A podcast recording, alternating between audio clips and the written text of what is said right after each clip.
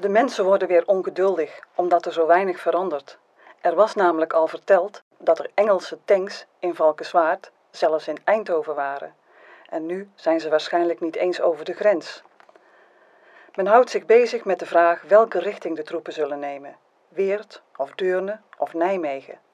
Alle vervoer ligt stil. Melk gaat er geen naar Eindhoven. Van daaruit komt men in grote getalen de boer op om te halen wat men kan: melk, aardappelen, fruit.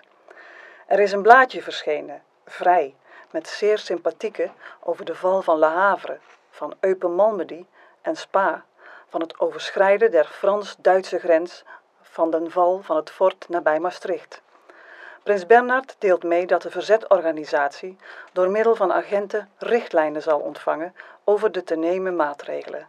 Slechts sporadisch kwamen Duitsers per fiets of in auto's of vrachtwagens over de weg.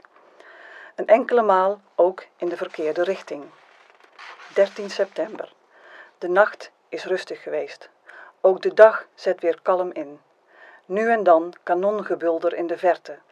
Soms ook meer, een dreunen dat opblazen van een of ander doet vermoeden.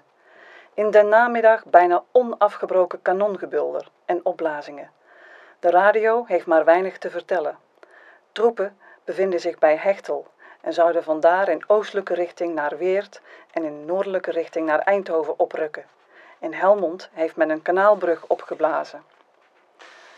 Het ongeduld van de bevolking neemt steeds toe. Bij het ontbreken van betrouwbare berichten wordt allerlei gefantaseerd.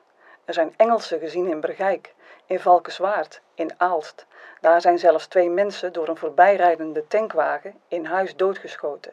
In Helmond, enzovoorts. Enkele NSB'ers zijn weer gezien, van den donk en benen, echter ongewapend. De landmacht schijnt ook weer hier en daar terug te zijn.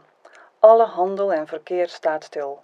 De winkeliers zitten zonder voorraad en proberen per bakfiets nog een en ander binnen te halen. Nergens is zout te krijgen. 14 september. Het is van vandaag opmerkelijk stiller. Aan de radio is om één uur meegedeeld dat de geallieerden op twee plaatsen de grens hebben overschreden. Van die twee plaatsen wordt alleen genoemd nabij Maastricht. Verder wordt aan de bevolking nadrukkelijk verzocht de bevrijders geen bloemen, vruchten of anderszins toe te reiken als verwelkoming.